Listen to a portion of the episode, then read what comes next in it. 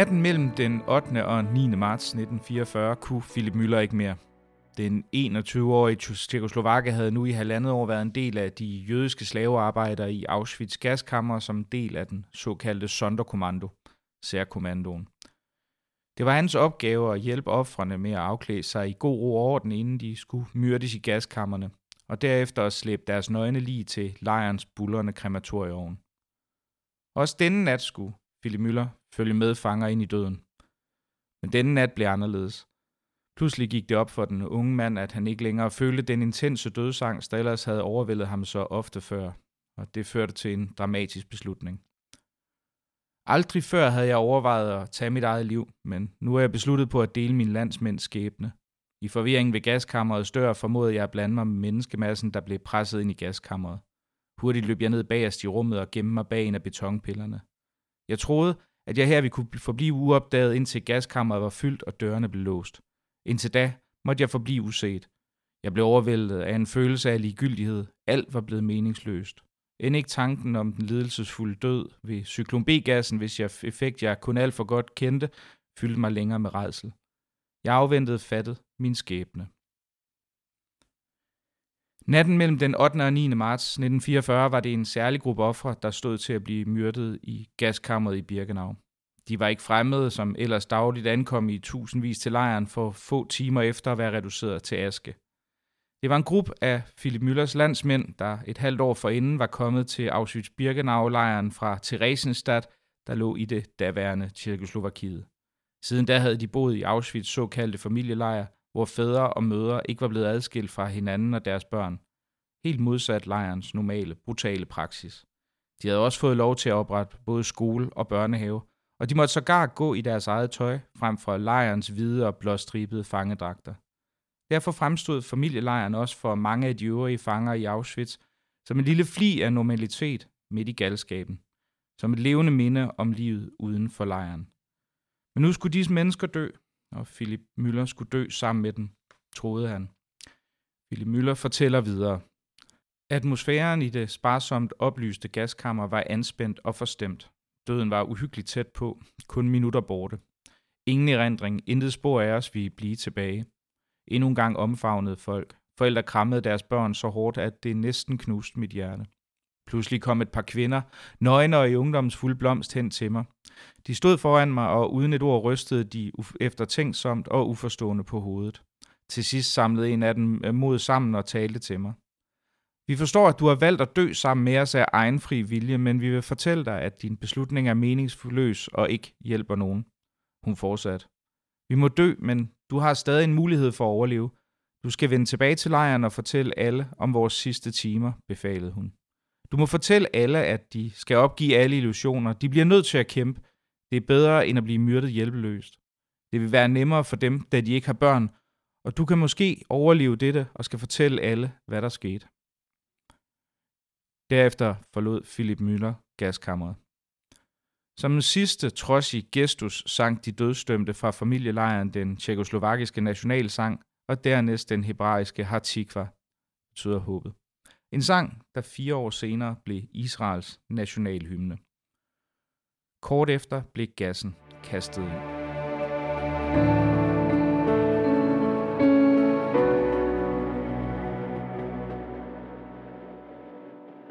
Hvad var Auschwitz? Ja, helt nøgternt historisk, så kan man sige, at Auschwitz i årene 1939-45 var den tyske besættelsesmagts navn for den sydvestpolske provinsby Auschwitzem, der ellers ikke var nogen bemærkelsesværdig plet på landkortet med sine små 20.000 indbyggere. Men det ændrede sig efter, at Tyskland invaderede Polen og omdøbte byen til Auschwitz. For byen lå på et knudepunkt for adskillige større europæiske jernbanelinjer, og det gjorde den nem at transportere fanger til og fra. Men det er selvfølgelig ikke et meningsfuldt svar. Auschwitz er i vores kollektive bevidsthed noget andet og langt større end et for længst ændret navn på en provinsby i Polen. For de fleste er Auschwitz et symbol, et nulpunkt i europæisk og i særdeleshed tysk kultur og historie. Det er de rystede luftfotos af uendelige rækker af sneklædte barakker og udmejrede fanger bag pigtråd, som den røde her optog kort tid efter lejrens befrielse. Auschwitz er de enorme dynger af myrdede kufferter, sko og sågar hår, som bødlerne stjal fra offrene for at styrke det regime, der myrdede dem, og som man i dag kan se i lejrens udstillinger. Det er fortællingerne om SS-lægen Josef Mengeles umenneskelige forsøg på tvillinger, og naturligvis gaskammerne, hvor 100.000 vis blev myrdet. Det er Anne Franks dagbog, og det er film som Schindlers Liste og Sofies valg. For eftertiden er Auschwitz med andre ord blevet et kondensat af nazismens ondskab og brutalitet, hvilket er både forståeligt og rimeligt. Og en af årsagerne til det er simpelthen, at Auschwitz står der endnu. Omtrent 60 km fra den polske storby Krakow, ja, der kan man den dag i dag se pigtråden, barakkerne og ruinerne af gaskammerne. Det gør Auschwitz til en sjælden undtagelse. De fleste af de såkaldte udryddelseslejre blev nævnlig jævnet med jorden af nazisterne selv. Dermed er Auschwitz blot en af to sådan lejre, hvor besøgende i dag kan se mere end træer og mindesmærker. Men Auschwitz er ikke kun et symbol og et museum. Det er også en fortælling om konkrete mennesker på et konkret sted. Og i denne udsendelse kommer vi til at se nærmere på specifikt, hvad der skete i de gaskammer, hvor omtrent en million mennesker blev myrdet. Det er en fortælling om gerningsmænd, der dag efter dag stod op og myrdede tusinder, overvågede at gaskammerne blev tømt og rengjort, eller kæmpede med at udvikle nye metoder til at kremere store antal lig i enorme grupper, når kremationsovnene brød sammen. Og bagefter, ja, så spiste de måske en lækker portion is, hyggede sig med kollegerne over en øl eller skrev breve til familie og venner. Og Auschwitz er fortællingen om de jødiske tvangsarbejdere, der fik det umulige valg mellem at arbejde som slaver i gaskammerne eller selv at blive dets næste offer. Hvor nogen, trods ufattelig ringe odds, formåede at give vidnesbyrd videre til eftertiden. Fordi de overlevede, eller ved hjælp af nedgravede erindringer, der blev fundet år eller sågar årtier senere. Eller sågar fordi de formåede at tage billeder, de fik smuglet ud, trods risiko for grufuld tortur og uundgåelig henrettelse, hvis de blev opdaget.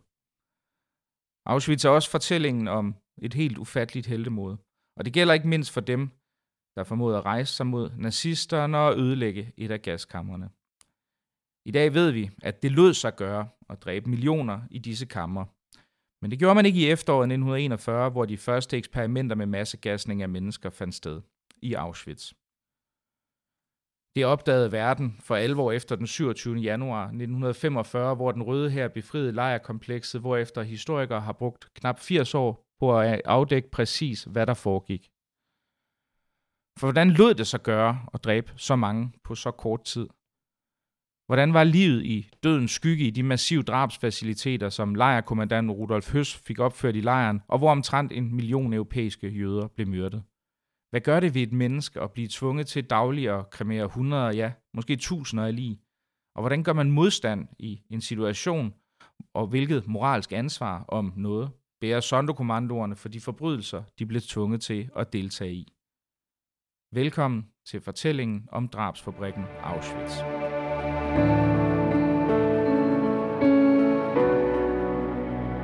Allerede i navnet Auschwitz, der ligger der en del forvirring og lure. For selvom de fleste tror det, så var Auschwitz ikke én lejr. Den var tværtimod mange, og lejrens funktioner ændrede sig også adskillige gange over tid. Auschwitz var et enormt kompleks med mere end 40 underlejre, der alle var en del af systemet koncentrationslager Auschwitz. Her var gardnerier, landbrug og gigantiske fabrikker, der producerede syntetisk gummi og meget andet, hvor langt over 100.000 jøder, polakker og mange andre var beskæftiget som tvangsarbejdere for det tredje rige. Oprindeligt var Auschwitz ikke skabt som en udryddelseslejr, men derimod som en koncentrationslejr for det nazistiske regimes indbildte og virkelige modstandere, hvor brutaliteten nok var massiv og menneskeliv meget lidt værd, men hvor lejrens formål trods alt var indespæring, ikke massedrab. Hovedlejren i komplekset Auschwitz 1 eller Stamlager blev i foråret 1940 indrettet i en række tidligere kasernebygninger i udkanten af den polske provinsby Ottwiciem af nazisterne omdøbt til det mere tysk klingende navn Auschwitz. Her var plads til mellem 10.000 og 20.000 fanger, og det er i denne lejr, man i dag kan se det berømte Arbeit macht frei skilt ved lejrens hovedport. Auschwitz var primært tiltænkt polske fanger, i modsætning til den langt større underlejr Auschwitz-Birkenau, der i efteråret 1941 blev opført et par kilometer fra hovedlejren. Her var planen oprindeligt, at sovjetiske krigsfanger skulle indespæres, men i praksis kom europæiske jøder hurtigt til at udgøre det alt overvejende flertal af fangerne. Og i efteråret 1941 udkrystalliseredes en plan gradvist i den nazistiske ledelse. En plan om total udslettelse af alle jøder under nazistisk kontrol. For i løbet af den succesfulde nazistiske invasion af først Polen og siden det meste af Central- og Østeuropa, så var millioner af jøder kommet under nazistisk herredømme. Når folk tænker på holocaust i dag, så tænker de fleste formentlig på Tyskland. Men de tyske jøder udgjorde en ganske lille del af folkedrabets ofre. Ved krigens udbrud så var der omkring 150.000 jøder tilbage i Tyskland, men alene i det tysk besatte Polen, ja, der befandt sig mere end 2 millioner. Selvom 100.000 af jøder fra Vesteuropa blev myrdet i holocaust, så var folk, folkedrabets ofre i alt overvejende grad fra Central- og Østeuropa, hvor udslettelsen typisk også var langt mere omfattende end tilfældet var i Vesteuropa. Det var lande som Polen, Ukraine, Ungarn, Hviderusland og Rusland, hvorfra langt hovedparten af de dræbte kom. Kort efter invasionen af Sovjetunionen i sommeren 1941 fulgte nazistiske specialkommandoer i hælene på den invaderende tyske hær. Snart havde de såkaldte Einsatzgruppen myrdet 100.000 af sovjetiske jøder ved massehenrettelser. De sovjetiske jøder var ifølge den nazistiske ideologi rigets ultimative fjender, som bærer af både kommunisme og jødedom. Men metoden havde en, set fra nazisternes perspektiv, kedelig tendens til at give traumer og alkoholproblemer hos gerningsmændene, som skulle se ofrene i øjnene og skyde dem ned på få meters afstand. Som Auschwitz-kommandant Rudolf Høss skrev i sin selvbiografi efter krigen. Der var mange selvmord blandt de soldater, som ikke længere kunne udholde og vade i dette blodbad. Mange af dem blev sindssyge. De fleste medlemmer af indsatsgrupperne drak for meget for at komme igennem dette forfærdelige arbejde. Dertil kom, at massehenrettelserne i det besatte Sovjet ikke løste nazisternes problem med de millioner af jøder, som de havde overtaget ansvaret for i det besatte Øst- og Centraleuropa. Derfor udviklede nazisterne i efteråret 1941 gradvist en anden model.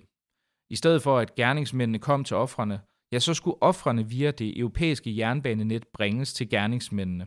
Og gerningsmændene, ja, de skulle bemande højt specialiserede drabsfaciliteter, skabt udelukkende med massemord for øje. I Polen begyndte nazisterne i slutningen af 1941 at oprette en række dedikerede udryddelsescentre. Chelmno i landets nordøstlige del, og de tre Aktion Reinhardt-lejre, Belzec, Sobibor og Treblinka, nær floden Buk i det østlige Polen.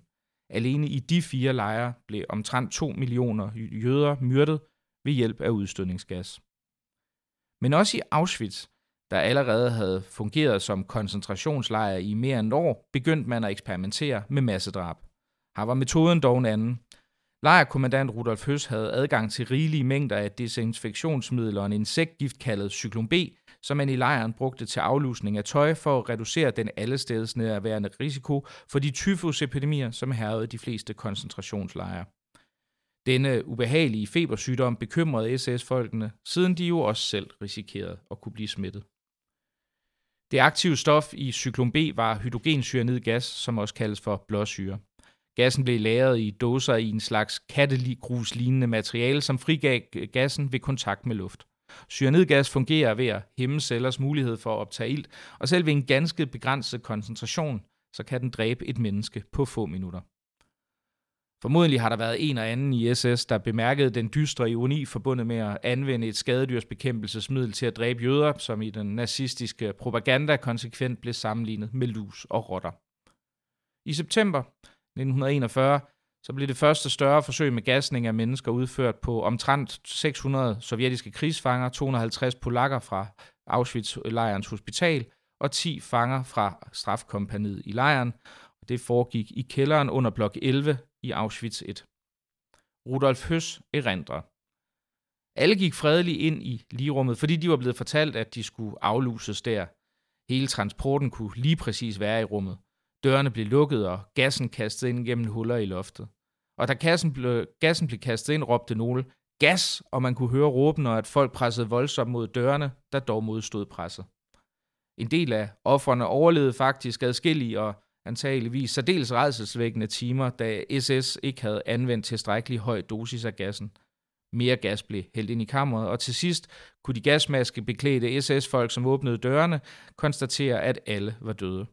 Og lejerkommandant Rudolf Høst kunne tilfreds konstatere, at han havde fundet sin drabsmetode. Nu kunne jeg slappe af. Nu undgik vi egensatsgruppernes blodbad, og offrene ville blive sparet for dødsangst indtil sidste øjeblik, skrev han senere. At offrene skulle blive sparet for dødsangst var i bedste fald en søgt efterrationalisering hos Høst, for det skulle vise sig ingenlunde at være tilfældet. I løbet af 1942 så blev Auschwitz-komplekset gradvist udbygget. Nu var det ikke alene en af de suverænt største af det tredje riges tusinder af koncentrationslejre, hvor regimets modstandere var indespærret, men den fungerede også som en af blot seks nazistiske udryddelseslejre, hvor der foregik industrielt massedrab på europæiske jøder.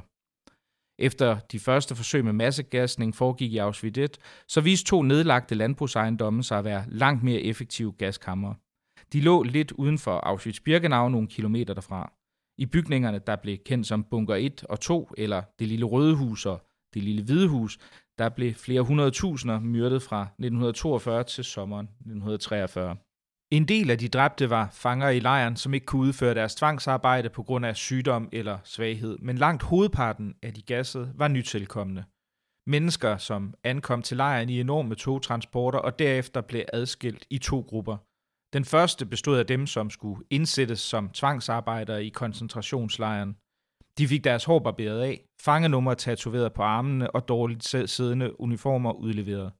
De var den relativt set heldige gruppe. De kunne gennemsnitligt forvente et par måneders udmavne liv med tvangsarbejde i koncentrationslejren, før de bukkede under for sult, sygdomme og vilkårlig vold. Den anden gruppe bestod af dem, som skulle gasses med det samme.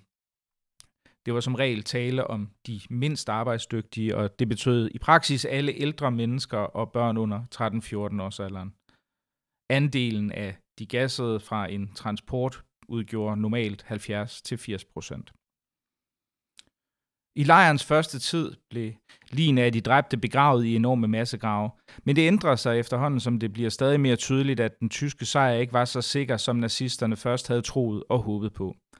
Amerikanerne havde i slutningen af 1941 meldt sig ind på de allierede side, og tyskerne mødte stadig mere forbenet modstand fra de sovjetiske tropper, ikke mindst ved Stalingrad. Derfor kom der i efteråret 1942 en ordre fra SS-lederen Heinrich Himmler. Fremover så skulle massemordene foregå, uden at det efterlod spor til fremtidige og måske mere kritiske generationer. I Auschwitz Ja, der betyder det, at de 10.000 af lige, som hidtil blot er blevet kastet i massegrav, skal graves op og kremeres, altså brændes, under åben himmel. I månedsvis brænder enorme ligebål i lejren. Men det er ikke en metode, som Rudolf Høs, lejrkommandanten, finder anvendelig i det lange løb. I dårligt eller blæsende vejr kunne det brændende kød lugtes mange kilometer væk, hvilket fik hele området til at tale om afbrændingen af jøderne trods den officielle modpropaganda, skriver Høs. Han tilføjer med sin karakteristiske kombination af selvmedlidenhed og total, total mangel på empati for lejrens ofre. I timevis stod jeg i den frygtelige, uforglemmelige stang fra massegrave, der blev åbnet, og lignende herfra, som blev gravet op og brændt. Det var med andre ord ikke længere optimalt med en kombination af massegasning i hastigt ombyggede lokaler i landbrugsejendomme og massegrave, eller kremation på enorme ligebål. Som alternativ, ja, så udtænkte lejrens byggeledelse i samarbejde med den tyske producent af kremationsovne, Top for Sønder, et langt mere industrielt koncept for massedrab. Og hermed, der er vi fremme ved den periode af lejrens historie, som de, fleste, som de fleste forbinder bevidst eller ubevidst med navnet Auschwitz. De enorme specialbyggede og kombinerede gaskammer og krematoriers tid, der varer fra foråret 1943 til lejrens lukning i januar 1945. I tæt samarbejde med Auschwitz byggeledelse, ja, så designer firmaet Top for Sønders chefingeniør Kurt Pryfer fire nye kremationsbygninger i Birkenau, som lejrens jødiske tvangsarbejdere hurtigt bliver sat i gang med at opføre.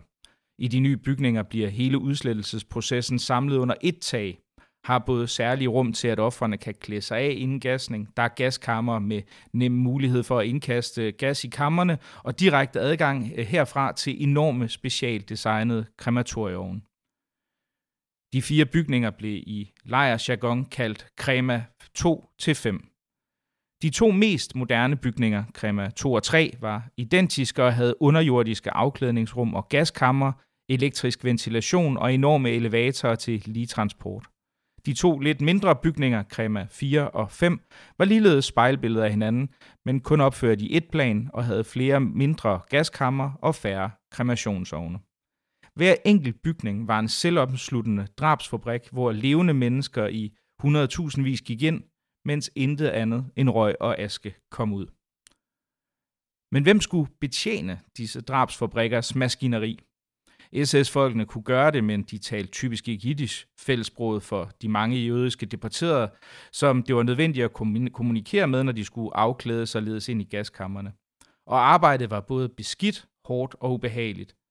Så hvorfor ikke tvinge jødiske fanger til at stå for så store dele af ligehåndteringsprocessen som muligt? Det er her Sonderkommandoen kommer ind i billedet.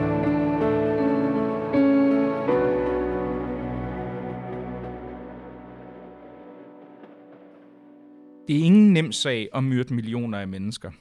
Det kræver arbejde. Der skal folk til at berolige de dødstømte og fortælle dem, at de skam kun skal have et bad og hjælpe dem med at klæde sig af. Offrenes tøj og ejendele skal sorteres, gaskammerne skal tømmes og rengøres for blod og andre kropsvæsker, fingerringen skal fjernes fra dødstive fingre, tandguld vristes ud af de dræbtes munde, og tusinder af lige dagligt brændes i enorme kremationsovne. Udover SS-folkene, ja, så var Sonderkommandoen den eneste gruppe fanger i Auschwitz, der kom i direkte berøring med drabsprocessen. Selvom alle i lejren vidste, at tusinder på daglig basis blev myrdet her, så forsøgte SS ihærdigt, om en forgæves, at holde gasningerne og ligebrændingerne hemmelige for lejrens øvrige indsatte, som derfor aldrig direkte overværede processen. Bortset fra gerningsmændene, så var Sonderkommandoen de eneste direkte vidner til drabene. Det var typisk ret vilkårligt, hvem der blev udvalgt til at være en del af Sonderkommandoen.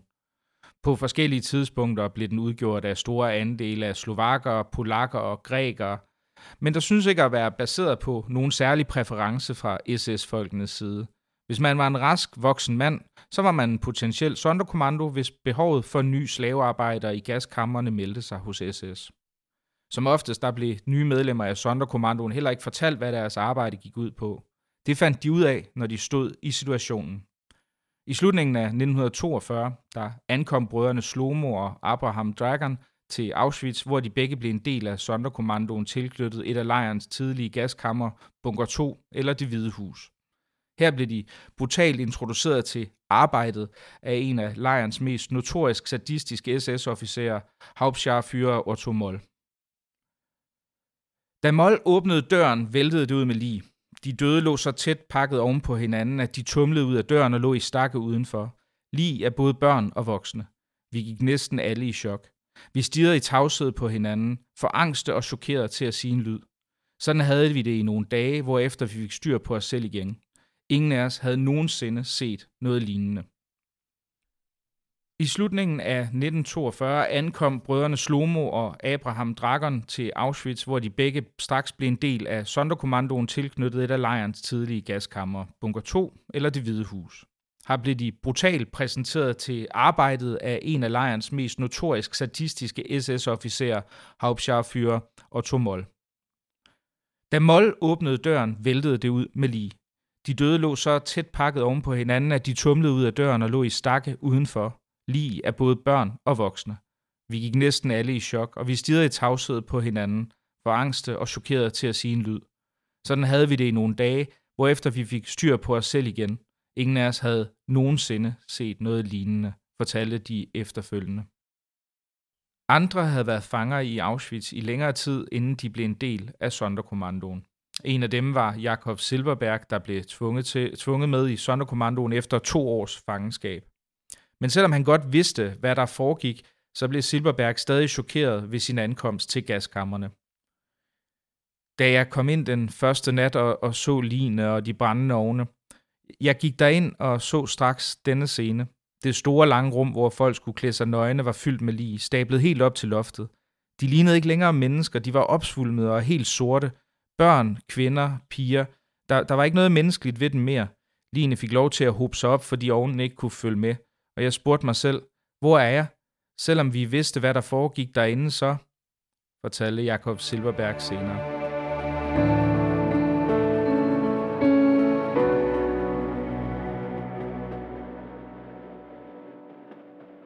Selvom massedrabet var udtænkt og ledet af nazisterne, så sørgede de for kun at deltage i det allermest nødvendige.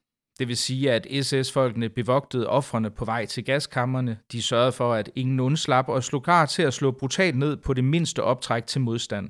Men de havde ingen direkte kontakt med offrene. Det overlod de til medlemmerne af Sonderkommandoen. Sonderkommandoen mødte offrene, når de ankom til afklædningsrum placeret ved siden af gaskammerne. Nu galt det om at overbevise offrene om, at de blot skulle i bad, derefter vi få mad og blive sat til at arbejde. Ofte havde de debatteret ingen mistanke om, hvad der ventede dem, og gik føjeligt ind i gaskammerne. Men efterhånden som rygterne om nazisternes massedrab spredte sig gennem det besatte Europa, så vidste flere og flere af de deporterede præcis, hvad der ventede dem. Den unge Philip Müller beskriver en transport fra ghettoerne i byerne Sosnovic og Bertzin få kilometer fra Auschwitz. De begyndte langsomt at afklæde sig selv og deres børn, og for hvert stykke tøj var det som om, de også fjernede et lille stykke af deres liv, der i forvejen ikke havde bestået af meget andet end undertrykkelse og elendighed. Mange kæmpede for at holde tårer tilbage, bange for, at deres børn skulle blive skræmt eller stille spørgsmål. Børnene kiggede sig også såmodigt omkring. Kort efter var alle nøgne. Mænd og deres hustruer omfavnede hinanden og kærtegnede deres børn, mens de prøvede at berolige dem. En anden erindring om de dødsmærkede adfærd inden gasningerne kommer fra Salman Gradovski. Han blev dræbt inden lejrens befrielse, men formåede at nedskrive og gemme sine erindringer fra lejren i en dåse, der blev fundet nogle år efter krigens ophør. Ligesom Philip Müller var Gradovski vidne til den udslettelse af familielejren, som jeg nævnte i starten af denne udsendelse. Flere lastvogne ankommer. Friske ofre træder ind i det store afklædningskammer. Fra rækkerne af nøgne kvinder river flere sig løs og hilser de nyankomne med udråb. Nøgne piger har fundet deres mødre. De kysser og omfavner hinanden og glædes over at være genforenet. På en bænk derovre sidder en nøgen mor med sin datter på skødet. Et barn på knap 15 år. Hun holder det lille hoved mod sit bryst og dækker det med, med kys. En varm strøm af tårer falder på den unge blomst. Moderen græder over sit barn, som hun snart vil gå hånd i hånd med ind i døden. Selvom SS-folkene altså havde lavet en struktur, hvor de havde så lidt berøring med de dødstømte som muligt inden gasningerne, så ville de dog ikke overlade selve indkastningen af den dræbende gas til de jødiske tvangsarbejdere. Det skete på samme måde hver gang. Dåserne med cyklon B-gas blev kørt til kammeren i en bil med falske røde korslogoer påmalet, og to SS-mænd steg ud og hældte ned, øh, gassen ned i åbningerne lavet til formålet. I kremator 3, hvor gaskammerne lå i en kælder, så skete det gennem åbninger i taget, mens gassen i krema 4 og 5, der lå over jorden, skete gennem lurer placeret i knap 2 meters højde. Cyklon B var lagret i et blåligt kattegruslignende materiale, et såkaldt granulat, som frigav den ved kontakt med luften. Og kort efter gassen var hældt ind, så begyndte offrene at mærke dens effekter med at hoste og derefter skrige i dødsangst. Først højt, og så gradvist lavere. Efter 5-10 minutter var alt tyst. Det kammer, der kort forinden havde rummet 100 eller tusinder af levende mennesker, var nu forvandlet til en massegrav, hvor ligene lå i en meter høj sammenfiltret masse. Den jødiske læge Miklos Nisli, der var tvunget til at arbejde som retsmediciner i gaskammerne, beskriver, hvad der derefter skete i Krema 2, hvor han opholdt sig. Iført store gummistøvler stillede Sonderkommandoen sig op rundt om bjerget af lig og spulede det med kraftige vandstråler. Det var nødvendigt, for det sidste, der sker, inden man dør ved drukning eller gasning, er ufrivillig afføring. Hvert lig var tilsølet og skulle vaskes. Efter badningen af de døde var overstået en handling, som sonderkommandoerne med, medlemmerne udførte i en tiltag, stillstand af påtaget distance og dyb afmagt, så begyndte de at skille ligene fra hinanden. Det var svært arbejde. De bandt bælter omkring de dødes håndled, der var stivnet i en skruestikslignende stilling. Med bælter eller stokkelignende kroge trak Sonderkommando-medlemmerne et efter et lin ud af gaskammeret og lagde dem parat til kremation i grupper med mænd, kvinder og børn. Men inden de blev brændt, så skulle de dræbte freveristes det sidste, som kunne tjene til at hjælpe det tredje rige. Sonderkommando-medlemmer klippede kvindernes hår af til industriel brug som blandt andet filt, mens andre medlemmer undersøgte linenes munde og andre kropsåbninger for værdigenstande. En af dem, der blev tvunget til at udføre arbejdet med at undersøge tænderne. En gruppe, som SS kaldte tandlægerne, var den græske jøde Leon Cohen, der blev deporteret fra Thessaloniki til Auschwitz i 1943. Line lå udstrakt på gulvet. Først skulle jeg åbne deres munde, og jeg blev nødt til at bruge vold for at gøre det. Mundene var stramt lukket, så jeg anvendte en tang til at tvinge dem op. Hvis der var en guldtand, så trak jeg den ud med en anden tang, og til det formål havde jeg et rigtigt tandlægeværktøj, fortalte han i et vidnesbyrd afgivet længe efter krigen. I mellemtiden indsamlede andre medlemmer af Sonderkommandoen de dræbtes tøj, sko og sidste ejendel fra afklædningskammeret. Tingene blev læsset på lastvogne og sendt til en afdeling af lejren, der officielt hed Effekten Lager, men som blev kaldt Canada i lejrsjargonen opkaldt efter landet, hvor man ifølge lejrens fanger kunne erhverve sig alting. Her sorterede andre fanger ejendelen og gjorde dem klar til at blive sendt til Tyskland, hvor de blev videresolgt til fordel for krigsindsatsen eller fordelt til ofre for allierede bombardementer. Jødestjerner blev fjernet fra tøj, uger repareret, barne- og klapvogne sat i stand, proteser sorteret og smykker omsmeltet. Derefter var tiden inde til at kremere line. Jakob Gabay var en af de brændere, der havde den opgave. Han stammede fra en gammel italiensk-græsk jødisk familie og var blevet deporteret til Auschwitz fra sit hjem i Athen. Vi tog som regel to eller tre kvinder og puttede en mand imellem. Det er fordi kvinders kroppe indeholder mere fedt end mænds, fortalte han efter krigen og sagde, at det tog få minutter at placere omkring 60 lig i krematoriets 15 ovenkammer. 15 minutter senere så skulle jeg røre i line med en greb. Røgen fra skorstenene nåede en højde på omkring 17 meter. Tyskerne var bange for de amerikanske og russiske fly, der er til fløj over lejren. Efter endnu 15 minutter, så åbnede vi ovnene og lagde asken over på den anden side af ovnene. I løbet af et døgns tid, så var en transport på mere end 2.000 mennesker kremeret og altså reduceret til aske. Til sidst så blev asken samlet og enten strøget over nærliggende marker som gødning eller kørt i lastbiler til den nærliggende flod Sola, hvor det blev smidt i vandet.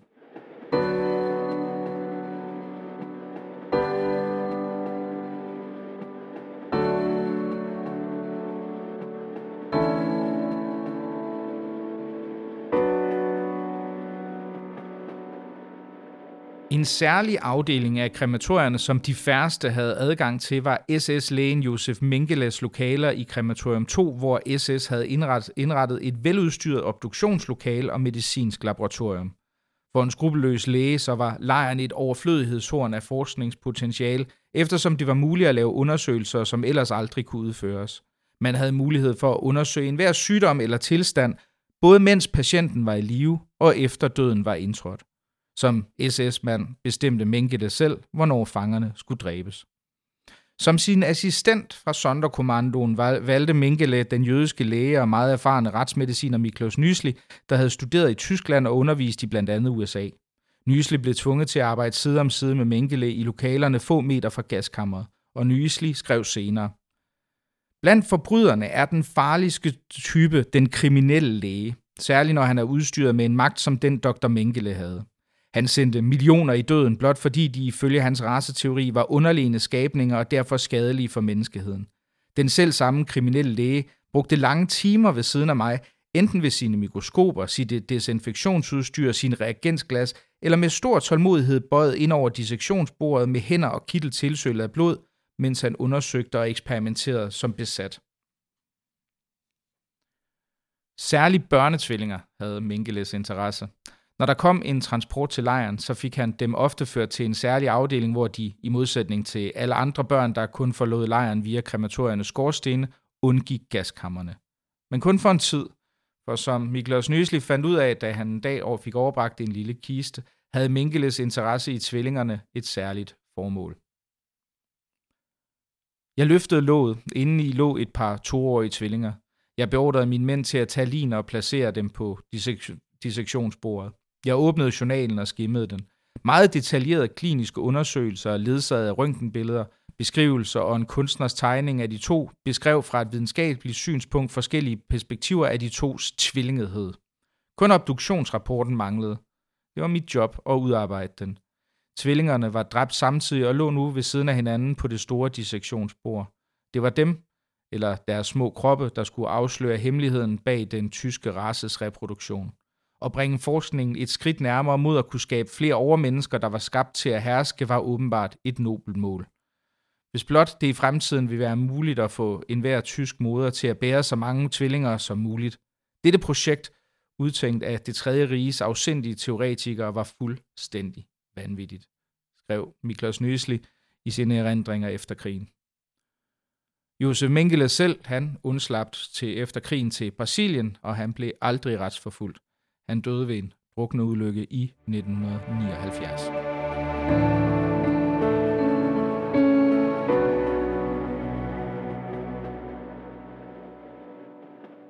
Et oplagt spørgsmål melder sig i forbindelse med Sonderkommandoen. Hvordan vil man selv reagere, hvis man er blevet placeret i deres sted? Ikke alene var man tvunget til dagligt at gennemleve ufattelige redsler. Samtidig så lurede vidsheden om, at man hjalp nazisterne med at gennemføre deres folkedrab. Og ikke nok med det. Før eller senere, ja, så vi selv sammen nazister med usvigelig sikkerhed også dræbe både en selv og resten af Sonderkommandoen, hvis hemmeligheder de aldrig vi tillade slap ud. Det var ikke en mulighed for nogen fange, der blev valgt til opgaven og nægt at gøre tjeneste i Sonderkommandoen. En hurtig henrettelse vil være det forventelige resultat af at nægter, nægter at efterkomme en hvilken som helst ordre fra SS. Men der eksisterede altid et alternativ. Selvmordet. Som vi så indledningsvis, så overvejede Philip Müller at lade sig gasse sammen med sine tjekoslovakiske landsmænd fra familielejren, og for mange af Sonderkommandoens medlemmer, så var selvmordet altid en mulighed, som den polske jøde David Nansel forklarede mange år efter krigen. Jeg husker, at jeg engang deltog i et interview eller noget lignende i Florida, og på et bord lå noget litteratur om Holocaust. På forsiden af en lille bog stod et citat fra en overlevende. Det var nemt at dø. Men jeg tænkte straks, hvad mener du med nemt? Det var svært for mig. Jeg ønskede det, men jeg havde ikke mod til at gøre det selv, fortalte David Nansel, som tilføjede, at han i fire forskellige lejligheder havde håbet at blive slået ihjel, men det ikke lykkedes for ham. Men der var mange forskellige forklaringer på, at Sonderkommando medlemmer valgte ikke at tage sig selv af dage. Jakob Silberberg, som vi mødte tidligere, som havde været to år i lejren, før han kom til Sonderkommandoen, var religiøs jøde, og efter at være blevet en del af Sonderkommandoen og set, hvilket arbejde han fremover skulle udføre, fortalte han en af sine venner i kommandoen, Shlomo Kirsenbaum, at han morgen efter vi, citat, gå i hegnet, det er lejerslang for at kaste sig i de strømførende kabler langs lejrens hegn, da vi dræb ham, hvis ikke skuddene fra SS-personalet i vagtårnene gjorde det først. Og tiger efter, så erindrede Silverberg samtalen. Kirsenbaum sagde, den første nat er rigtig hård, men man vender sig til det. Jeg svarede, hvordan kan man vende sig til det? Jeg er jo kun menneske. Jeg har også hørt, at folk fra Sonderkommandoen ikke levede længe, så han førte mig ind i sit værelse. Han var jo trods alt karpo og gav mig noget stærkt at drikke, noget whisky eller alkohol ind dram og så en til. Da jeg kom her første gang, havde jeg det ligesom dig, sagde han. Men nu er jeg vendet mig til det. Jeg arbejder stadigvæk. Jeg tror, at du også er en af dem, der kan vende sig til det og arbejde med det. Oven på de våde varer, så sov jeg resten af natten. Da jeg vågnede, begyndte jeg at tænke på en helt anden måde. Jeg må gøre alt, hvad jeg kan for at holde mig i live, så jeg kan fortælle andre mennesker om mine oplevelser. Tilvænding til vilkår, der forekommer umulige at leve under, er gennemgående i mange sonderkommandoers erindringer. Og en af de ting, som lejerkommandant Rudolf Høs hæftede sig ved i den selvbiografi, han skrev i fangenskab efter krigen, inden han blev dødstømt af de polske myndigheder og hængt i en galle i Auschwitz, ja, det var den angivelige kynisme, som han mente, at Sonderkommandoen udviste. De udførte alle deres opgaver med en ubarmhjertig ligegyldighed, som om det var en del af en helt almindelig arbejdsdag, når de trak line rundt, så spiste eller røg de. De holdt ikke op med at spise, selv ikke når de udførte det grusomme arbejde med at brænde lig, der havde lagt nogen tid i massegrav, skrev den tidligere lejerkommandant efter krigen og tilføjede senere, at, citat, jødernes måde at leve og dø på, var en gåde, jeg aldrig formåede at løse, citat slut. Rudolf Høsses memoir er generelt et studie i radikal skamløshed, hvor den mand, der mere end nogen anden var direkte ansvarlig på drabet på over en million mennesker, konstant angler efter læserens sympati for den angiveligt meget svære situation i, han stod som øverst kommanderende i lejren når han da ikke direkte forsøger selv at lægge ansvaret for egne valg og gerninger over på alle andre end sig selv. Men faktuelt set så har Høs ret, når han beskriver hvordan Sonderkommandoen til synlædende upåvirket kunne udføre sit arbejde. Jakob Silverberg erindrer. Line havde ikke længere nogen betydning for mig. Efterhånden så holdt jeg op med at føle noget som helst ved synet af den. Jeg betragtede dem ikke længere som menneskelige kroppe. Nogle gange var de smurt ind i blod og afføring, og man kunne blive så vant til den slags, at man selv i pauser eller når man var på sulten, satte sig på line og spiste. Man bliver så vant til den slags arbejde, at man bliver ufølsom, når de lod os holde en pause, fordi vi var helt udmattede, så tog vi noget mad frem, satte os på line og spiste, som om vi befandt os i en helt anden verden. Man vender sig til alting. Et menneske vender sig til den slags arbejde. Den russiske, den russisk fødte Eliza Eisenschmidt opsummerede måske tilvændingen til den makabre dagligdag mest præcist. Med tiden betragtede vi arbejdet i krematoriet som noget normalt. Vi var lige så uberørte af det, som en kirkegårdsgraver sikkert er af sit arbejde. Et almindeligt menneske, der ledsager nogen på deres sidste rejse, bliver berørt, når personen bliver begravet, men en kirkegårdsgraver bliver ikke berørt, hver gang han er på arbejde. Sådan var det i Sonderkommandoen. Den forrådelse, som Høs mente at se, var altså i høj grad en konsekvens af arbejdet i gaskammerne, men det var også en overlevelsesstrategi, der gjorde det muligt for fangerne i Sonderkommandoen at navigere i en verden af konstant redsel. Mange år efter krigen, så blev den græske sonderkommando Leon Cohen spurgt om, hvad han følte, når han sorterede det tøj, som offrene netop havde afklædt sig uden for gaskammeret, og kunne han kunne høre deres dødskrig, mens cyklon B-gassen blev kastet ind. Jeg bliver nødt til at fortælle dig noget, der er både forfærdeligt og sandt. Vi var som forvandlet til robotter på det tidspunkt. Vi kunne ikke udsætte os selv for intensiteten af følelserne, som vi oplevede under arbejdet. Et menneske kan ikke udholde de følelser, der var en uundgåelig del af vores arbejde. Og når vi først havde undertrykt følelserne og følte os som almindelige mennesker, så kunne vi behandle alt det, der skete som arbejde, som vi blev nødt til at udføre i overensstemmelse med tyskernes ordre. Sådan var det. Vi tænkte ikke over de redselsvækkende aspekter af vores arbejde og tillod ingen følelser at trænge sig på. Rudolf Høssers forsøg på at udstille Sonderkommandoens adfærd som afvigende eller afstumpet er ikke desto mindre i særklasse afskyvækkende. Ikke alene havde Høs med sine egne ordre tvunget disse mennesker til at udføre det mest redselsvækkende arbejde tænkeligt, endda med en konstant og ueksekveret dødsdom hængende over hovedet. Den masse morder i verdenshistorisk skala tillod sig endda også at forsøge at fremhæve sin egen menneskelighed og empati på bekostning af hans ofres. Et andet dilemma for mange sonderkommandoer, det var religionen. En stor del af de jøder, der endte i sonderkommandoen, var stærkt troende. For mange af dem var det åbenlyst en udfordring på daglig basis at blive konfronteret med det målrettede folkedrab på ikke alene trosfælder, men også på familie, venner og bekendte. Flere opgaver troen på højere magter, som eksempel Sam Iskovic, der som 18-årig blev deporteret til Auschwitz-Birkenau og her gjort til en del af Sonderkommandoen. Han fortæller, Jeg mistede min tro lige der, da jeg så. Du ved, jeg så mennesker dø. Så generede det mig, men det var ikke så forfærdeligt. Da jeg så uskyldige børn, nyfødte blive smidt levende i ilden, som var de optændingsbrænde, der kunne jeg ikke lade være med at råbe, Hvorfor lod du disse børn blive født, hvis du blot ønskede at skaffe dem af vejen på den måde? Hvad har disse uskyldige sjæle gjort dig? Hvorfor skal de lide en pinefuld død? Det var hvad, som ledte mig bort fra religion. Jeg så ikke nogen forklaringer. Jeg så ingen mirakler. Jeg så intet. Det var dog langt fra alle i Sonderkommandoen, som Auschwitz fik til at opgive troen på Gud. Der er flere vidneudsagn om, at der i Sonderkommandoen blev afholdt hemmelige gudstjenester, og at flere medlemmer jagtog de jødiske helligdage. Men det er næppe en urimelig formodning, at nogen flere mistede troen i Auschwitz end omvendt.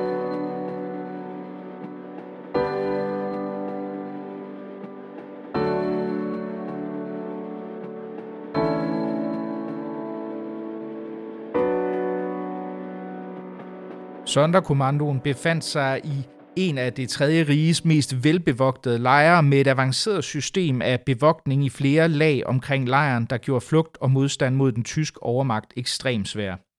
Alligevel så lykkedes det over flere omgange fanger at flygte fra lejren, og flere af dem i velgennemtænkte og dristige aktioner, der snilt kunne fortjene sin egen podcast. En stor del af dem, som formåede at komme væk, var enten jødiske eller kristne polakker, der kendte områden omkring lejren og talte lokalbefolkningens sprog. En stor del af jøderne i Sonderkommandoen var grækere, slovakker, franskmænd og andre, der hverken talte polsk eller var lokalkendte. Dertil kom, at Sonderkommandoerne både arbejdede og sov i et særskilt indhegnet og tungt bevogtet område, der gjorde tanken om flugt endnu sværere. I den situation skulle man tro, at modstand og flugt var noget nær umuligt, men det var ikke tilfældet. Flere beretninger fra Sonderkommandoen fortæller om mindre modstandshandlinger, der simpelthen bestod i eksempelvis at undlade at gøre arbejdet tilstrækkeligt effektivt. Det galt øh, eksempelvis flere af de såkaldte tandlæger, der havde til opgave at fjerne guldfyldninger, broer og guldtænder fra de dræbte. Nogle af dem skubbede med vilje guldet ned i halsen på line, i stedet for at overgive det til tyskerne og dermed finansiere den nazistiske krigsindsats. Men der fandt også mere organiserede modstandshandlinger sted. Gradvist var oplysninger om Auschwitz sivet ud til omverdenen, og rapporter om lejren var blevet overbragt både de allieredes politiske ledere og bragt i medierne. Derfor var der i både Sonderkommandoen og lejrens modstandsbevægelse et ønske om at skaffe dokumentation for forbrydelserne i gaskammerne. I sommeren 1944 der lykkedes det at få smuglet et kamera ind til Sonderkommandoen og få taget en serie billeder, som er de eneste kendte fotos af en gasningsaktion nogensinde. Den polske jøde og Sonderkommando, altså Feinselberg, var til stede, da billederne blev taget, og han fortæller. På dagen, hvor billederne blev taget, fik vi alle tildelt opgaver. Nogle af os skulle bevogte fotografen. Med andre ord skulle vi holde nøje med en, øje med enhver, der ikke kendte vores hemmelighed, som nærmede sig, og mest af alt med SS-folk, der bevægede sig rundt i området. Endelig kom tidspunktet. Vi samlede os alle ved den vestlige indgang til Krema 5. Vi kunne ikke se nogen SS-folk i vagtårnet, som havde udsigt til døren eller fra stedet, hvor billedet blev taget. Alex, den græske jøde, tog hurtigt sit kamera ud, pegede det mod en bunke brændende lig og trykkede på udløseren. Det er derfor, billedet viser Sonderkommando fanger, som arbejder ved bunken af lig. En af SS-folkene stod ved siden af dem, men han havde ryggen til krematoriebygningen. Endnu et billede blev taget på den anden side af bygningen, hvor mænd og kvinder klædte sig af mellem et træ. De var fra en gruppe, der skulle myrdes i Krema 5. Billederne blev fundet efter krigen, og et af dem udgør illustrationen til denne podcast. Her ser man en gruppe sonderkommandoer, der står omgivet af lige af nylig gasset bag ved krematorium 5, hvor en enorm røgsøjle stiger op fra jorden bag ved dem. Det er en af de kremationsgrupper, som i sommeren 1944 blev gravet, og hvor lige blev brændt under åben himmel. Det var nødvendigt, da flere hundredtusinde ungarske jøder i perioden blev gasset i lejren, hvor flere krematorier var blevet defekte på grund af overbelastning og konstruktionsfejl. Philip Müller beskrev senere grupperne, man ser på fotoet. For at forberede gruppen til kremation, så lagde vi i bunden jernbanesvælder, planker, savsmuld i lag dækket af et lag af tørre fyrgrene. Ovenpå der lagde ligebærere et lag med omkring 400 lig med ansigtet opad i fire lange rækker og på toppen af det brændende materiale. Derpå blev der lagt mere brænde, og derpå endnu et lag af lig. Imellem træstykkerne og ligene blev lagt stof gennemvedet med sprit eller olie, og når gruppen indeholdt omkring 1200 myrdede, så satte Sonderkommandoen ild til. Philip Müller fortæller. Ligene i gruppen så ud som om, de var lænket sammen. Tusinder af rødblå flammetunger slikkede mod ligene. Ilden blev kraftigere og kraftigere, og flammerne højere og højere. Den konstant stigende varme fik nogle af ligene til at røre på sig. Vride sig som i ubeskrivelig smerte. Arme, ben bøjede sig langsomt, og hele kroppen rettede sig op, som om de ved en sidste kraftanstrengelse forsøgte at gøre oprør mod deres skæbne. Fotografen, der tog billedet af Sonderkommandoen og ligne uden for Krema 5 og kremationsgruppen bagved, var dengang i Sonderkommandoen kendt som Alex. Han er senere blevet identificeret som en græsk flådeofficer ved navn Alberto Errara, der i nogle uger, der nogle uger senere var med i en gruppe, der skulle aflæse nogle af de dræbtes aske i den nærliggende Sola-flod. Mens arbejdet var i gang, så angreb Edada den ledsagende SS-officer, som han slog bevidstløs med en spade, hvorefter han og en anden græsk jøde forsøgte at svømme over floden. Desværre kom SS-manden senere til bevidsthed og skød den anden græske sonderkommando. Erara slap i første omgang væk, men blev senere fanget og dræbt af et eftersøgningshold. Men også mere omfattende og systematiske forsøg på modstand blev planlagt. Planer for en opstand havde været lagt gennem længere tid, men i Sonderkommandoen ønskede man at få øh, lejrens overvejende polskledede modstandsbevægelse med på at skabe et generelt oprør blandt alle lejrens fanger, og ikke blot Sonderkommandoen. Men har afsløret sig i midlertid en kritisk interessekonflikt.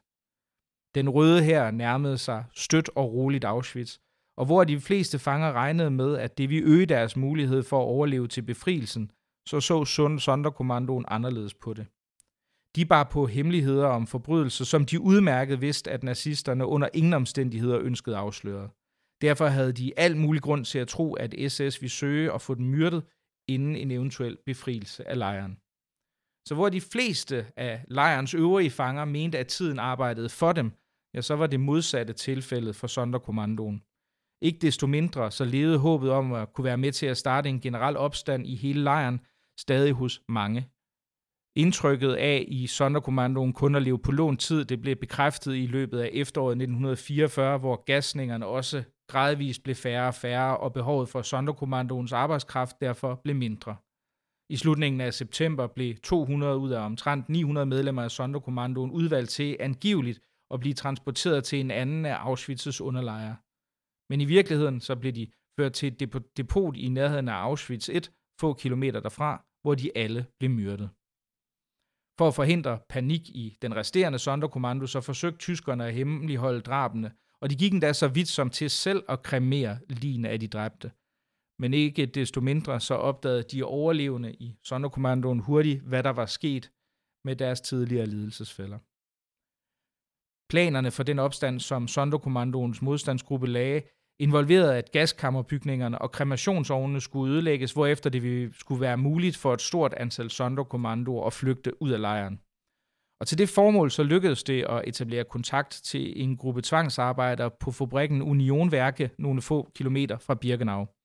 Under enorm risiko så lykkedes det for tre jødiske kvinder, eller Gärtner, Regina Safirstein og Esther Weisblum, over flere omgange at smule krudt ud gemt i deres hovedtørklæder. Samtidig så lykkedes det Sonderkommandoen at skrabe en række våben sammen herunder ifølge flere kilder enkelte håndvåben, formodentlig også tre granater taget fra livet af en lejrvagt, der tidligere var blevet bragt til krematorierne, og også håndvåben som knive, brækjern, bajonetter og save, samt tangen til at klippe pigtråden op, og benzindunke til at sætte bygninger i brand.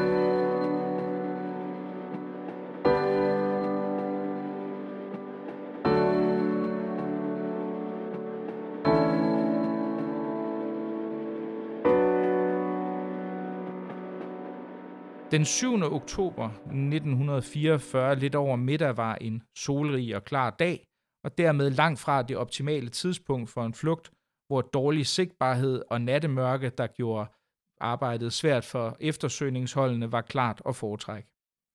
Alligevel så endte netop det med at blive tidspunktet for opstanden. Tidligere så havde Sonderkommandoen erfaret, at SS nok engang ville udvælge et større antal af dem, som angiveligt skulle transporteres til en anden lejr, og klokken halv to ankom en større gruppe SS-folk til Krema 4, hvor de forsamlede et par hundrede fanger fra Sonderkommandoen til en særlig mønstring i gården foran gaskammerbygningen. Alle formodede de, at tiden nu var kommet til endnu en massakre på medlemmer af Sonderkommandoen, og at deres skæbne derfor ville blive den samme som de 200, der kort forinden var blevet myrdet under påskud af at skulle transporteres til en anden lejr. Hvem præcis det var, som trådte ud af rækkerne, mens en SS-mand råbte navne op, det ved ingen med sikkerhed. Men formodentlig så var det den 54-årige polske jøde Chaim Neuhof, der plantede en hammer solidt i hovedet på en af SS-mændene. Selvom opstanden ikke var planlagt til det tidspunkt, så var der nu ingen vej tilbage. En del af de forsamlede sonderkommandoer kastede sig over SS-mændene med sten, stik og håndvåben. En af de meget få sonderkommandoer, der overlevede kampene ved Krema 4, det var Philip Müller, som fortæller. Nogle SS-mænd blev såret, mens andre formåede at undgå stenene og trak hurtigt deres våben, som de blinde affyrede ind i menneskemængden. To yderligere SS-folk formåede at undslippe på deres cykler via lejrens hovedveje. Imens var Krema 4 blevet sat i brand, taget var i flammer flere steder, og røgsøjler rejste sig mod himlen.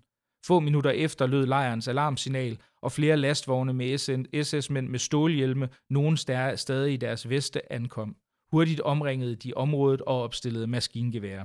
Under den kaotiske kamp blev et stort antal sonderkommandoer dræbt, inden de resterende strækte sig tilbage til Krema 4. Her lykkedes det dem, som Møller beskriver, at sætte ild til bygningen ved at bruge madrasser og andet brandbart materiale til at sætte ild til gaskammeret og brænde store dele af det ned. Men deres modstand blev hurtigt nedkæmpet af de tilkaldte SS-forstærkninger, og kort efter så blev de overlevende sonderkommandoer beordret ud fra gaskammerbygningen i mindre grupper og henrettet liggende på jorden. Philip Müller overlevede ved at gemme sig i krematorieanlæggets skorsten. I de større krematorier 2 og 3, der lå nogle 100 meter fra krema 4 og 5, havde man ingen større overblik over præcis, hvad der foregik. Men sonderkommandoerne her kunne ved lyden af skudsynet af røg fra det brændende krematorie og den hastige ankom af mange SS-folk forstå, at den opstand var i gang. I Krema 2 kastede Sonderkommando medlemmerne så hurtigt ind i kampen og dræbte en særlig hadet tysk funktionærfange, Karl Tøpfer, som blev stukket, stukket ned og derpå levende smidt ind i en af de tændte krematorieovne. Kort efter flygtede omkring 80 sonderkommandoer fra Krema 2 gennem bygningens bagdør og brugte medbragte tange til at klippe hul i pigtråden og slippe ud i friheden. Men ikke inden de også havde klippet hul i hegnet til den nærliggende kvindelejr og dermed også givet fangerne her mulighed for at flygte. Vi ved også, at et par modige fanger, der var involveret i planlægningen af opstanden, blev tilbage i Krema 2 for at springe krematorieovnene i luften. Desværre så lykkedes det ikke, og da ingen vidner overlevede herfra, så ved vi ikke præcis hvorfor. Formodentlig fordi SS enten ankom, inden de kunne færdiggøre opgaven med at øh, springe ovnen i luften, eller fordi de forberedte eksplosiver ikke detonerede. Det lykkedes de resterende flygtende fra Krema 2 at flygte nogle kilometer mod syd fra Birkenau, hvor gruppen på vejen tilfældigt stødte på tre SS-mænd, som de prompte dræbte med knivstik og slag. Men kort efter, ja, så blev de flygtende lokaliseret af en større kommando SS-mænd udsendt fra lejren, og af dem brutalt massakreret med automatvåben. Mens arbejderne fra krematorium 4 og 5 stort set alle blev myrdet i området foran krema 4 under eller kort efter opstanden, og sonderkommandoerne fra krema 2 alle sammen blev dræbt under flugten, ja, så opholdt hovedparten af de stadig levende sonderkommandoer sig i krema 3. Her havde de forvirret og desorienteret forsøgt at finde ud af, hvad der foregik, og for en stor dels vedkommende havde de også antaget, at en opstand var i gang, og derfor bevæbnet sig med de hjemmelavede våben, de havde forberedt til lejligheden. Men konfronteret med den totale forvirring og et stort antal hastigt tililende og kampklare SS-folk, ja, så valgte en af Sonderkommandoens jødiske ledere, Lemke Plisko, at opfordre alle til at holde sig i ro, hvilket de gjorde. Mens hovedparten af Sonderkommandoen, mere end 450 fanger, blev dræbt under opstanden den 7. oktober 1944, så er langt hovedparten af dem, som overlevede krigen, og som jeg i det foregående har citeret fra gruppen, der var i Kremmer 3, og som dermed ikke deltog i opstanden. Selvom adskillige sonderkommandoer fra Kremmer 3 her var dybt involveret i planlægningen, så lykkedes det ikke desto mindre for de overlevende overbevise tyskerne om, at de ingen rolle havde hverken i oprørets planlægning eller udførelse. Til gengæld så lykkedes det efter intens tortur SS at afsløre fire jødiske kvinder, der henholdsvis havde smuglet krudt ind til kommandoen, og hende, som havde etableret kontakten til Sonderkommandoen. Robert, Rosa Roborta. Ingen af kvinderne knækkede under forhør, men deres skæbne var de aldrig i tvivl om. Rosa Roborta skrev en note til sine kammerater i Sonderkommandoen, som en af de overlevende senere erindrede således. Hun fortalte sine torturbødler, at hun på eget initiativ havde givet materiale til Sonderkommandoen, men hun ikke fortrød det. Hun skrev til os, at det var svært at tage afsked med livet, men at vi ikke skulle være bange. Hun ville ikke forråde os. Hun havde kun én anmodning, at hvis nogen af os en dag skulle komme i sikkerhed i den frie verden, så skulle de tage hævn. Hendes note var underskrevet med hilsenen, vær stærke og modige på hebraisk. De fire kvinder, Esther Weisblum, eller Gärtner, Regina Safirsteiner og altså Rosa Roborta, blev hængt offentligt i kvindelejren i Auschwitz den 6. januar 1945. I månederne fra opstanden til tyskerne forlod Auschwitz i slutningen af januar 1945, så blev gasningerne af nytilkommende i Auschwitz langsomt færre for at stoppe helt i løbet af november måned. Men fordi nazisterne var opmærksomme på behovet for at skjule sporene af deres forbrydelser, så blev store dele af de tilbageværende sonderkommandoer sat til at nedrive gaskammer og krematoriebygningerne. Herfra blev de enorme kremationsovne og andet udstyr sendt til lejre i Tyskland. Den sidste af drabsfabrikkerne, der stadig fungerede, var Krema 5, hvor kremationerne af døde, der kom fra selve Auschwitz-lejren, først stoppede den 2. januar, da den røde her stod ganske få kilometer fra Auschwitz. Lejrens sidste tid var præget af et kaos, hvor nazisterne fabrilsk forsøgte at udslette sporene af deres forbrydelser samtidig med, at lejrens 10.000 af fanger blev sendt ud på de såkaldte dødsmarscher mod vest ind i Tyskland. En stor del af fangerne, der typisk kun var iført tynde lejruniformer og dårligt siddende træsko, bukkede under for den centraleuropæiske vinterkulde undervejs, hvis de der ikke blev skudt inden da. Men dette kaos var også en chance for Sonderkommandoens medlemmer, for under evakueringerne og forvirringerne i tiden inden lejrens rømning blev det muligt diskret at blande sig med de øvrige fanger, som de ellers tidligere havde været skarpt adskilt fra, og dermed undgå en ellers forudsigelig henrettelse. Undervejs på dødsmarchen lykkedes det også flere sonderkommandoer at flygte, mens andre endte i andre nazistiske koncentrationslejre. Men selv der forsøgte nazisterne febrilsk at opspore overlevende fra sonderkommandoen og dermed undgå, at deres viden kunne komme eftertiden for øre. I KZ-lejren Mauthausen, hvor blandt andre Philip Müller og flere andre sonderkommandoer var ind kort inden befrielsen, så beordrede SS alle, der havde arbejdet i Auschwitz's krematorier, til at melde sig. Ingen gjorde det, da de formodede, at det var lige med en dødsdom, og at hvis nazisterne havde kendt deres navn, så ville de allerede være døde.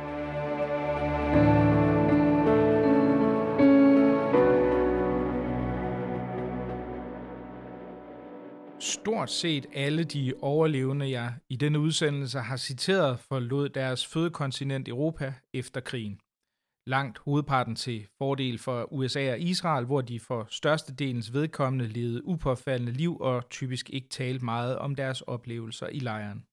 Enkelte vidnede ved nogle af eftertidens retssager mod SS-personalet fra Auschwitz, men indtil 1980'erne fandtes der ganske få nedskrevne vidnesbyrd fra Sonderkommandomedlemmer, ligesom de ikke fyldte meget i de historiske værker om lejren. En af grundene har formodentlig været, at af mange, både overlevende og andre, der blev Sonderkommandoen opfattet som en gruppe, der havde krydset grænsen til kollaboration, altså samarbejde med nazisterne, og som derfor bar et medansvar for de nazistiske forbrydelser. Særligt den tysk-amerikanske journalist og filosof Hannah Arendt, kendt for sin dækning af retssagen mod Adolf Eichmann i Jerusalem og begrebet ondskabens banalitet, hun er med til at understøtte dette billede med flere særdeles kritiske passager om Sonderkommandoen, som hun åbenlyst opfattede som særdeles moralsk, hvis ikke ligefrem juridisk kompromitteret. Men langsomt så er billedet blevet mere nuanceret, og i Claude Landsmanns dokumentarfilms epos Shoah, der var særligt Philip Müllers vidneudsagn med til at vise verden, hvilken grusom situation skæbnen havde placeret Sonderkommandoerne i. Nobelprisvinder og Auschwitz-overlevende Primo Levi, placerede i sit værk De druknede og de frelste Sonderkommandoen i en moralsk gråzone, hvor han nok ikke mente dem nødvendigvis skyldfri, men mente, at det var umuligt at fælde nogen moralsk dom over dem. I de senere årtier så er der kommet langt mere forskning med fokus på Sonderkommandoen og dens unikke historie, og særligt den israelske historiker Gideon Greif har med omfattende interviews med de sidste overlevende fra Sonderkommandoen bidraget til at tegne et facetteret billede af de mennesker, der havde deres dagligdag i gaskammerne. Er man interesseret i mere viden om Sonderkommandoen, så vil jeg kraftigt anbefale hans bog Vi græd uden tårer, der for nogle år siden blev oversat til dansk.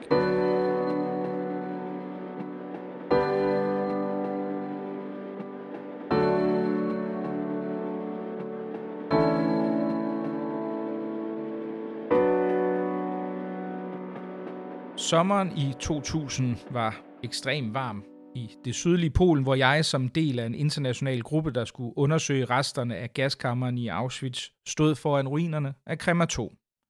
Noget af det sidste SS gjorde, inden de forlod Auschwitz-Birkenau, det var at sprænge krematoriebygninger og gaskammer i luften, så der i dag kun er ruindynger tilbage. Og så alligevel ikke helt.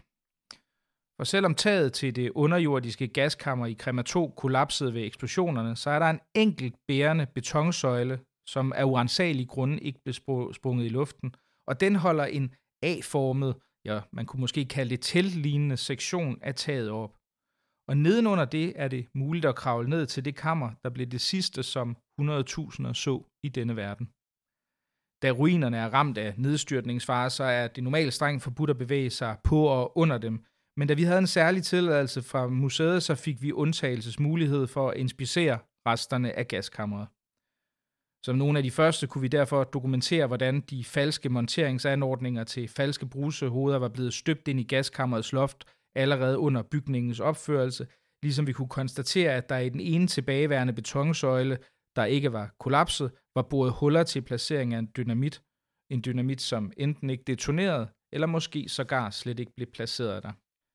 Alt det og meget mere om, hvad vi fandt i undersøgelsen, det kan man læse om i artiklen The Ruins of the Gas Chambers, a Forensic Investigation of the Crematoriums at Auschwitz I and Auschwitz-Birkenau, som blev trykt i Journal of Holocaust and Genocide Studies, volume 18 fra foråret 2004. Det er dog ikke så meget de historiefaglige opdagelser, jeg husker, når jeg tænker tilbage på den oplevelse.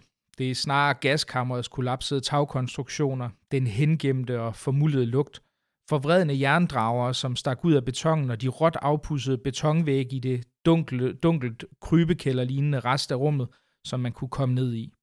Her på gerningsstedet for bogstaveligt talt 100.000 af drab, så var man så tæt på Sonderkommandoens virkelighed, som det er muligt at komme. Men der var ingen åbenbaringer derinde. Ingen dyb erkendelse. Blot en følelse af kold og særdeles konkret virkelighed ved at se de væg, som dagligt var blevet vasket rene, gasning efter gasning. Det loft, som de jødiske tvangsarbejdere var blevet tvunget til at montere falske brusehoveder, der skulle narre kommende jødiske ofre i. Og så de åbninger, som var blevet lavet i loftet fire steder, og som SS anvendte til at kaste cyklon B-gassen ned igennem. Her var det konkrete og det uomgængelige slutprodukt af nazismens rabiate antisemitisme støbt i smuldrende beton overalt omkring mig. Mein Kampf, møder i smukke villager for højt placerede nazister med juregrade, der diskuterede den endelige løsning i eufemistiske vendinger, en myriade af arbejdere i de tyske jernbaner, der havde planlagt transporter fra overalt i Europa som kollaboratører og lokale myndigheder gjorde mulige. Det var kulminationen på en proces, der involverede tusinder af mennesker. Propaganda, koordination, logistik, familier rykket op med rode, splittet og transporteret gennem Europa. Det var det kammer, som jeg stod i resterne af. Jeg er næppe den rette til at fælde dom over Sonderkommandoen, men eftersom du har hørt så langt som hertil, så er der jo en mulighed for, at du kunne være interesseret i min vurdering. Og i den henseende så hører jeg til dem, som ikke mener, at Sonderkommandoen bærer skyld eller moralsk ansvar for de forbrydelser, som de blev tvunget til at medvirke i. Der var tale om helt almindelige, tilfældigt udvalgte mennesker, der på et splitsekund blev placeret i en situation, der er hinsides al fatævn. De havde i praksis kun valget mellem selvmord, hvilket vi har ført til, at den anden fik deres plads i krematorierne, eller at udføre tvangsarbejdet, måske med det spinkle håb en dag at kunne bære vidne til det skete. Eller måske at kunne deltage i en opstand, som en stor del af Sonderkommandoen i 1944 altså gjorde. Og hvis først Sonderkommandoen skal pålægges et ansvar for, hvad de blev tvunget til, ja, så må man også gøre sig klart, at det dermed bliver meget svært ikke også at pålægge alle andre fanger i alle nazistiske lejre et tilsvarende ansvar. Alle blev de tvunget til at udføre tvangsarbejde, der på den ene eller den anden måde skulle sikre det nazistiske regimes overlevelse. Uanset om det var våbenproduktion, som jødiske slavearbejdere også blev sat til en række lejre, anlægning af veje eller dræningsanlæg, landbrug eller de tusind andre ting, som nazisterne tvang deres fanger til, ja, så var det i sidste ende noget, som nazisterne selv mente var gavnligt for det tredje rige. I dag er diskussionen om skyld og ansvar måske primært akademisk, da alle overlevende fra Sonderkommandoen er gået bort. Men efter at have studeret Sonderkommandoen og også mødt overlevende fra andre udryddelseslejre, så mener jeg, at opgøret med opfattelsen af Sonderkommandoen som moralsk kompromitterede halvkollaboratører har været både på sin plads og på høje tid. Og her, ja, der vil jeg lade det sidste ord gå til historikeren Jacob Robinson og hans svar til Hannah Arendts kritik af Sonderkommandoens angivelige moralske kompromittering. Det var SS-mændene, der udførte drabene. Sonderkommandoerne arbejdede udelukkende på line, men deltog ikke i gasningerne. De nyopdagede dagbøger for Sonderkommandoen og her henviser Robinson til nogle af de tekster, der blev fundet på gaskammernes område, der er citeret ovenfor.